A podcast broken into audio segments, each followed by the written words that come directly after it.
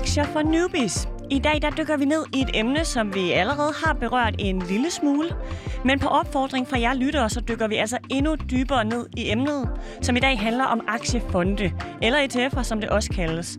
Hvad det helt præcist er, det vender vi tilbage med lige om lidt. ETF'er kan være en god og simpel metode, ligesom til at sprede sin risiko ud, når man investerer. For mange så kan ETF'er faktisk være det helt solide fundament i deres aktieportefølje. Og så er det en investeringsform, som både henvender sig til gavede, men også til newbies, så det er jo helt perfekt til programmet her. Men som enkelte aktier, så er der jo mange ting, man skal tage højde for, før man smider sine hårdt tjente dollars, også efter ETF'er. Så som til vanligt, så har jeg altså inviteret en, der kan gøre mig, men også jer derude, klogere på, hvordan du kommer godt i gang, eller hvordan du supplerer din portefølje, denne gang med ETF'er. Vi skal lære at forstå dem, og vi skal lære at bruge dem. Og jeg kan godt sige, at jeg har fået ret fint besøg i studiet i dag. Der står nemlig en, altså en helt rigtig aktiechef. Og det er dig, Michael Friis Jørgensen. Velkommen til Aktier for Newbies. Jo tak, jo tak, jo tak. og tak for den uh, varme velkomst. Ja, ikke? Altså, uh, Michael, du er jo aktiechef for H.C. Andersen Kapital. Ja, det er korrekt, ja. Det er korrekt. Ja, ja det, det kan vi ikke lyve fra, og en 18 års erfaring i branchen, så du ved, ja, jeg har, da, jeg har da været lidt rundt omkring i den her verden. Godt, intet mindre end 18 års erfaring i branchen. Og Michael, da vi to talte sammen tidligere på ugen, der sagde du også, at ETF'er, det er din ting. Altså, det er dit felt, det her.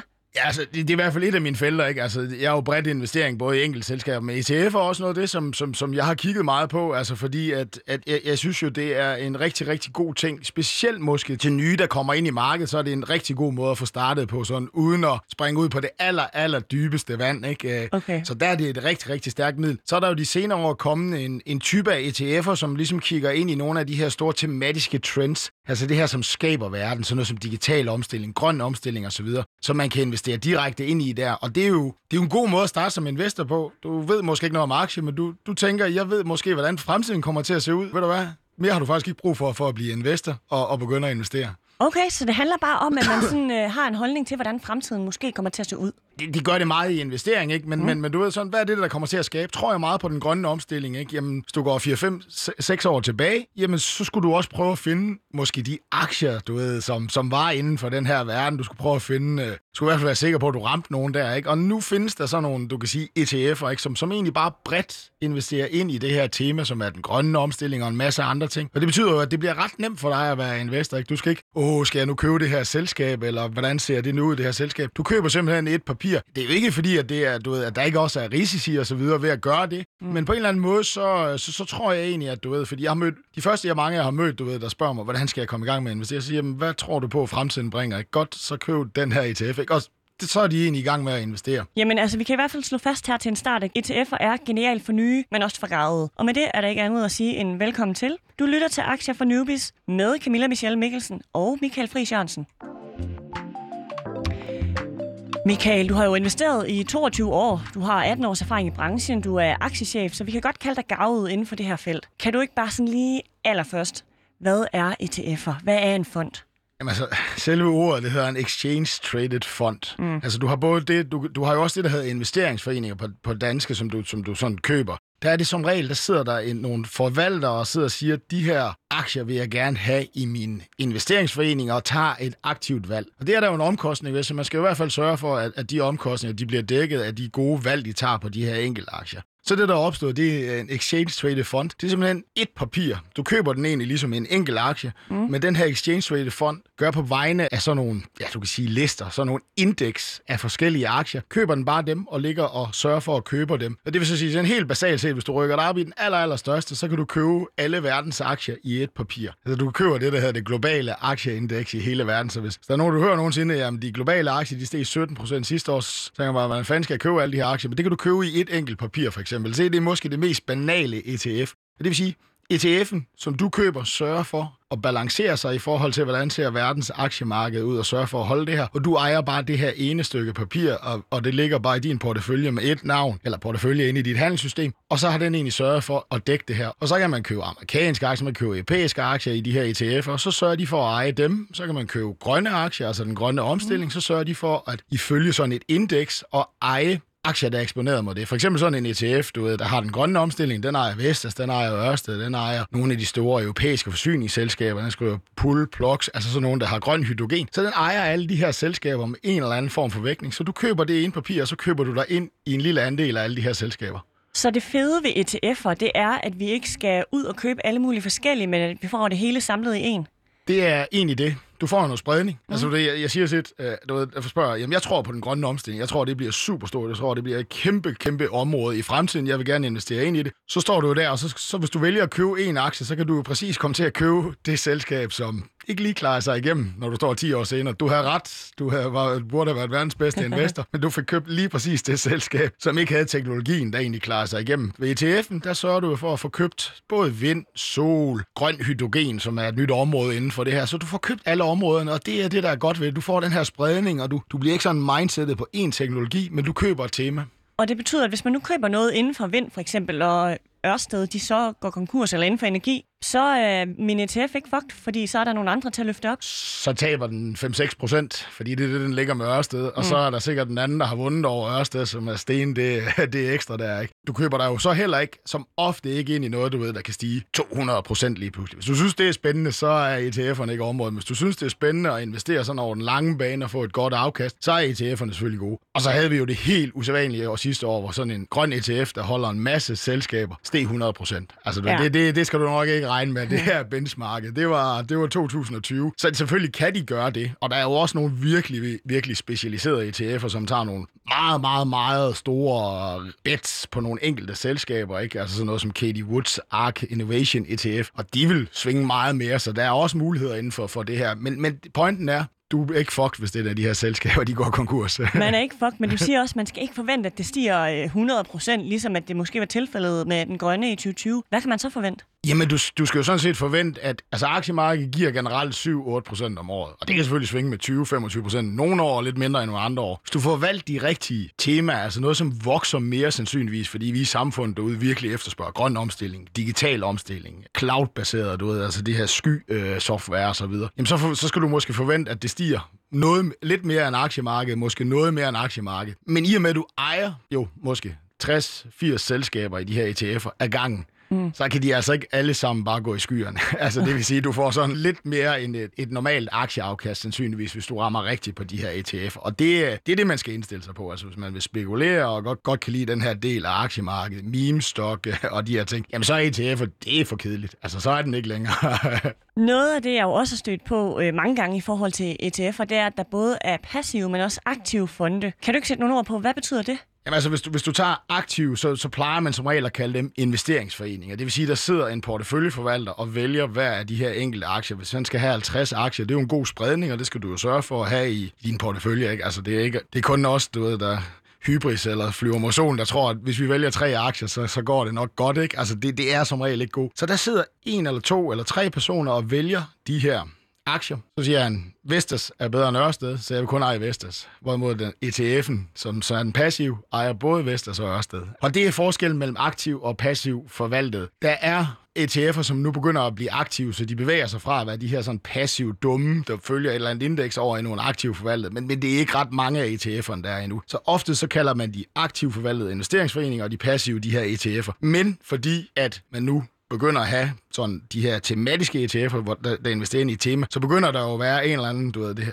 man har altid kaldt ETF'er dom ETF'er, og nu begynder man at have smarte ETF'er, ikke? som tager nogle aktive valg, ikke? Altså, du okay. ved sådan lidt. Men, men det er det, der er forskellen mellem... Normalt sidder der nogle personer og vælger noget her. ETF'erne har bare sagt, det her indeks vil jeg godt følge. Men, men de bliver smartere og smartere og følger mere og mere, du ved, justifikeret indeks, flere og flere kriterier. Så hvilken betydning har det, hvis jeg investerer i aktive versus passive fonde, altså når vi taler ETF'er? Fordi hvilke fordele har jeg, og hvilke ulemper har jeg? Altså, du har ulemperne af omkostning. Det er jo, altså, du ved... Vil de, vil begge vil de, vil, nej, ved aktiv. Ved aktiv. aktiv. Altså, de passive ETF'er er jo sindssygt billige. Fordi det er jo et meget, meget simpelt papir, der bare sidder og følger et indeks og skal sidde og handle lidt. Så de passive ETF'er er meget, meget billige. Og det, de er gode til, det er for eksempel at sige, jamen, du ved, jeg vil godt købe en 3, 4, 5, 6 aktier, fordi dem synes jeg godt nok er spændende. Men jeg skal jo også have en masse aktier. Så køber man jo sådan et, et stort bredt, mm. måske bare aktier, og ligger i bunden af sin, du ved, som sådan en, sådan en stabilisering i sin portefølje, ikke? Og de er sindssygt billige. Altså, de er stort set på vej mod nul i omkostninger, hvorimod vælger du aktivt forvaltet en investeringsforening eller, eller ETF'er, jamen så kommer du måske med en omkostning på en halv til, til 0,7 procent og det, det, det lyder måske ikke så meget, men du ved, øh, i et livsforløb, så kan det være rigtig meget. Så det er, omkostningen er, er fordelen ved de passive forvaltede, øh, og så de aktive, jamen der er jo så mulighed for også at få noget mere afkast. Altså det, det er det, de skal skabe jo. Og når du taler om den her omkostning på 0,7 procent, hvad er det så for en omkostning? Er det min kortage, der er dyre, eller er det skatten, eller hvad er det, vi, hvor er vi henne? Det er, ETF'en har en omkostning inde i sig når du køber og handler de her ETF'er, så betaler du ligesom du køber en aktie. Mm. Det vil sige, hvilket handelssystem har du, så har du noget kortage. Så det er ikke anderledes end en aktie. Nej, ETF'en, når den, når den begynder at blive sådan rigtig, rigtig smart, eller begynder at tage nogle aktive valg, som den grønne omstilling, digital omstilling, så ligger der en omkostning. Altså, de tager en omkostning for dig hver eneste år, så du ved. Det afkast, de skaber, så trækker de lige en halv eller 0,7 procent ud, hvorimod de der store, brede ETF'er, der, de trækker måske 0,1 eller 0,15 procent ud af det afkast, de har skabt. Så det, det er en omkostning, der ligger for dig inde i ETF'en. Så man kan sige, at det svarer til at, sådan en abonnementsordning. Ja, ba- ba- banalt set. okay. Ja, det, det gør det. Du betaler, du betaler for, at der trods alt er nogen, der har købt alle de her aktier derude, øh, og har taget måske nogle aktive valg osv., så, videre. så det betaler du nogen for at sidde og administrere, ja. Og hvis man nu er newbie, og man ikke har prøvet det før, man skal ind på markedet, er det så en fordel ligesom at starte med de passive, eller er det en fordel at gå ind på de aktive, hvor der er nogen, der administrerer det for en? Jamen, jeg vil jo sige, at det er en fordel øh, begge dele. Altså fordi, at hver gang, at man bevæger sig ud og tager lidt flere aktier, og tager nogle flere aktive valg og siger, jeg tror på den grønne omstilling, jeg køber noget aktiv forvaltet ETF her, mm. så påtager du dig en større risiko. Du påtager dig en mulighed for et større afkast, men du påtager dig en større risiko, fordi vi bliver mere fokuseret på nogle aktier og de store brede. Så det, jeg siger, det er jo sådan set, at den perfekte investor, han skal have nogle aktier, som jeg, han er helt vild med og kan følge tæt. Så skal han have nogle tema ETF'er, ikke? som er de her spændende grønne omstillinger, dem skal han have en eller anden mængde af, og så skal han have en stor, stor, solid base af bare det globale aktiemarked. Det kan godt være, at det er røv kedeligt, men du ved, det, det er altså det, der skaber et godt afkast på den lange bane. Jamen, hvis vi lige sætter det op, og sådan har vores portefølje og ser den for os, og du skal sætte nogle procentdele på basen, investeringsforeningerne, temaerne og så de enkelte aktier, hvor meget vil du så øh, inddele til hvad? Jamen, jeg vil inddele, at halvdelen bør nok ligge cirka i, i sådan en stor bred en. Bare sørg for at følge aktiemarkedet, fordi... Det er de passive. Det er de passive. Så en halv omkring, altså, og det, er, det kommer selvfølgelig an på, hvor mange penge du har at investere med, hvor langt du er i dit livsforløb, måske lidt tættere, hvor mm. tættere du er på, at du skal passe på dine penge. Men, men det er cirka sådan en halv, man, man skal have dernede, fordi så får man det her Altså hvis man starter som newbie, og så lad os bare sige, at man er lidt ung, så får mm. man jo den her årlige effekt af 7%, 7% gange 7% gange 7%. Og hvis du ved, det er det, der hedder compounding-effekten. Og hvis du nogensinde prøver at gå hjem og taste ind på en lommeregner, så, så 30 år frem, ikke, så vil du se, at jeg skulle nok i gang med at investere, da jeg var 20. Ikke? Altså det, det er det, jeg altid har sagt til, til mig selv. Hvis jeg bare havde en tidsmaskine, så skulle jeg tilbage og sparke mig selv lidt over fødderne, at jeg ikke startede som 18 år. Ikke? Altså mm. fordi den her effekt af bare, at aktiemarkedet giver et godt, stabilt afkast hver eneste år, er enorm. 30 år efter. Jeg ved godt, det er kedeligt, du, du kan ikke lige gå ud og købe Porsche dagen efter. Og det sørger den her stabile base for, for hvad nu, hvis jeg tager fejl heroppe på alle de mm. andre? Ikke? Altså, jeg skal helst have noget afkast også. Så det er cirka en halv, 30 procent måske til tema-ETF'erne, hvor jeg virkelig tager nogle aktive valg, digital omstilling, øh, kinesiske internetaktier osv., og så måske 4, 5, 6 eller 7 enkelte aktier, som jeg har en virkelig stærk, stærk holdning til, som jeg følger tæt, du ved, og jeg helt, dem har jeg virkelig, altså dem kan jeg godt lide at eje, ikke? Mm. Uh, du ved. Det er sådan, sådan en, en rimelig fordeling, i hvert fald hvis man skal se det som en ny investor, der går ind i markedet. Så kan man, når man bliver måske lidt mere erfaren, så kan man måske lege lidt med at øge, du ved, risikoene på de egne valg, mm. man tager, ikke? Altså, du ved, så, så, så får man måske lidt mere komfort med det, ikke? Om det er spændende, synes jeg. Tidligere her i programmet i Aktier for Newbies har jeg haft besøg af Otto Friedrichsen, der er aktiechef for Formuepleje. Og han fortalte mig, når det kommer til enkelte aktier, så er der nogle forskellige nøgletal, man kan kigge på. Han sagde blandt andet, at noget af det, han bruger til at vurdere en aktie, det er det her PE-nøgletal. Er der nogle redskaber eller nogle nøgletal, vi kan bruge, når det kommer til fonde? Det øh, bliver sværere.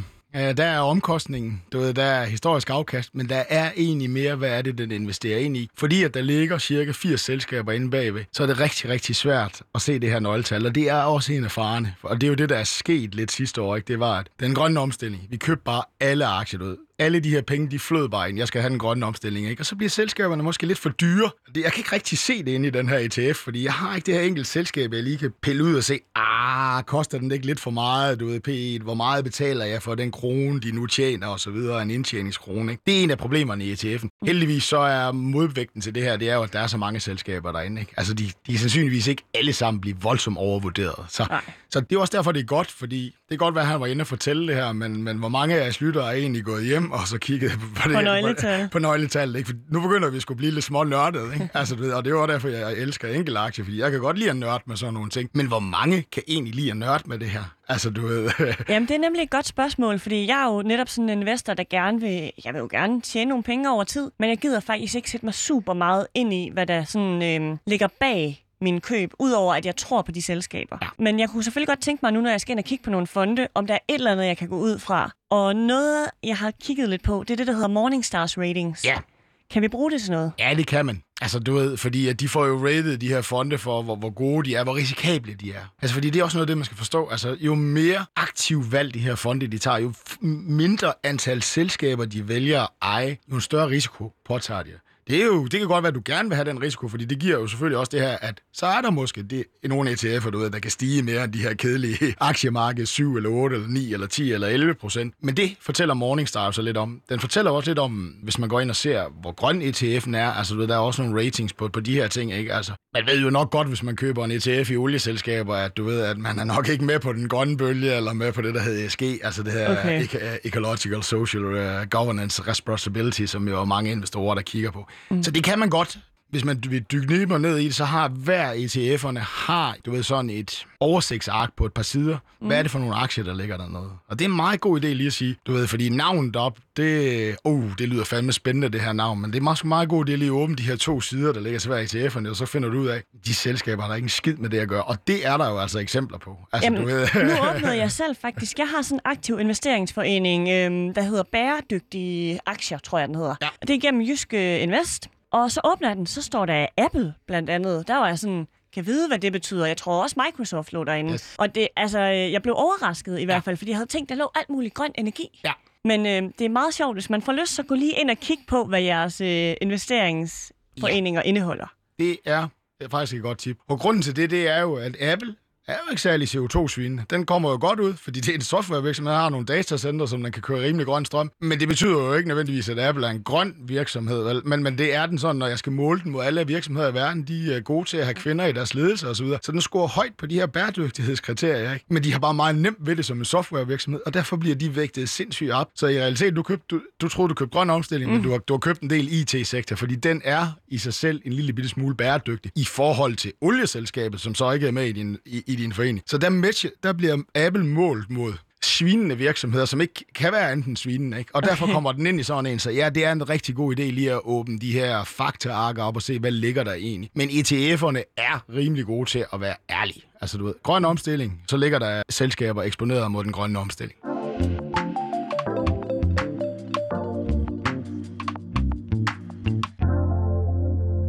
Her det var første del af min snak med Michael Friis Jørgensen, som er aktiechef i H.C. Andersen Kapital. Og for ham er det altså en vigtig del af investering, at man kigger på, hvilke trends, der kommer til at forme fremtiden. Det kunne fx være den grønne eller den digitale omstilling. Vi talte også lidt om, at fonde faktisk er ret gode for newbies, fordi fonde jo ikke er lige så risikable som enkelte aktier.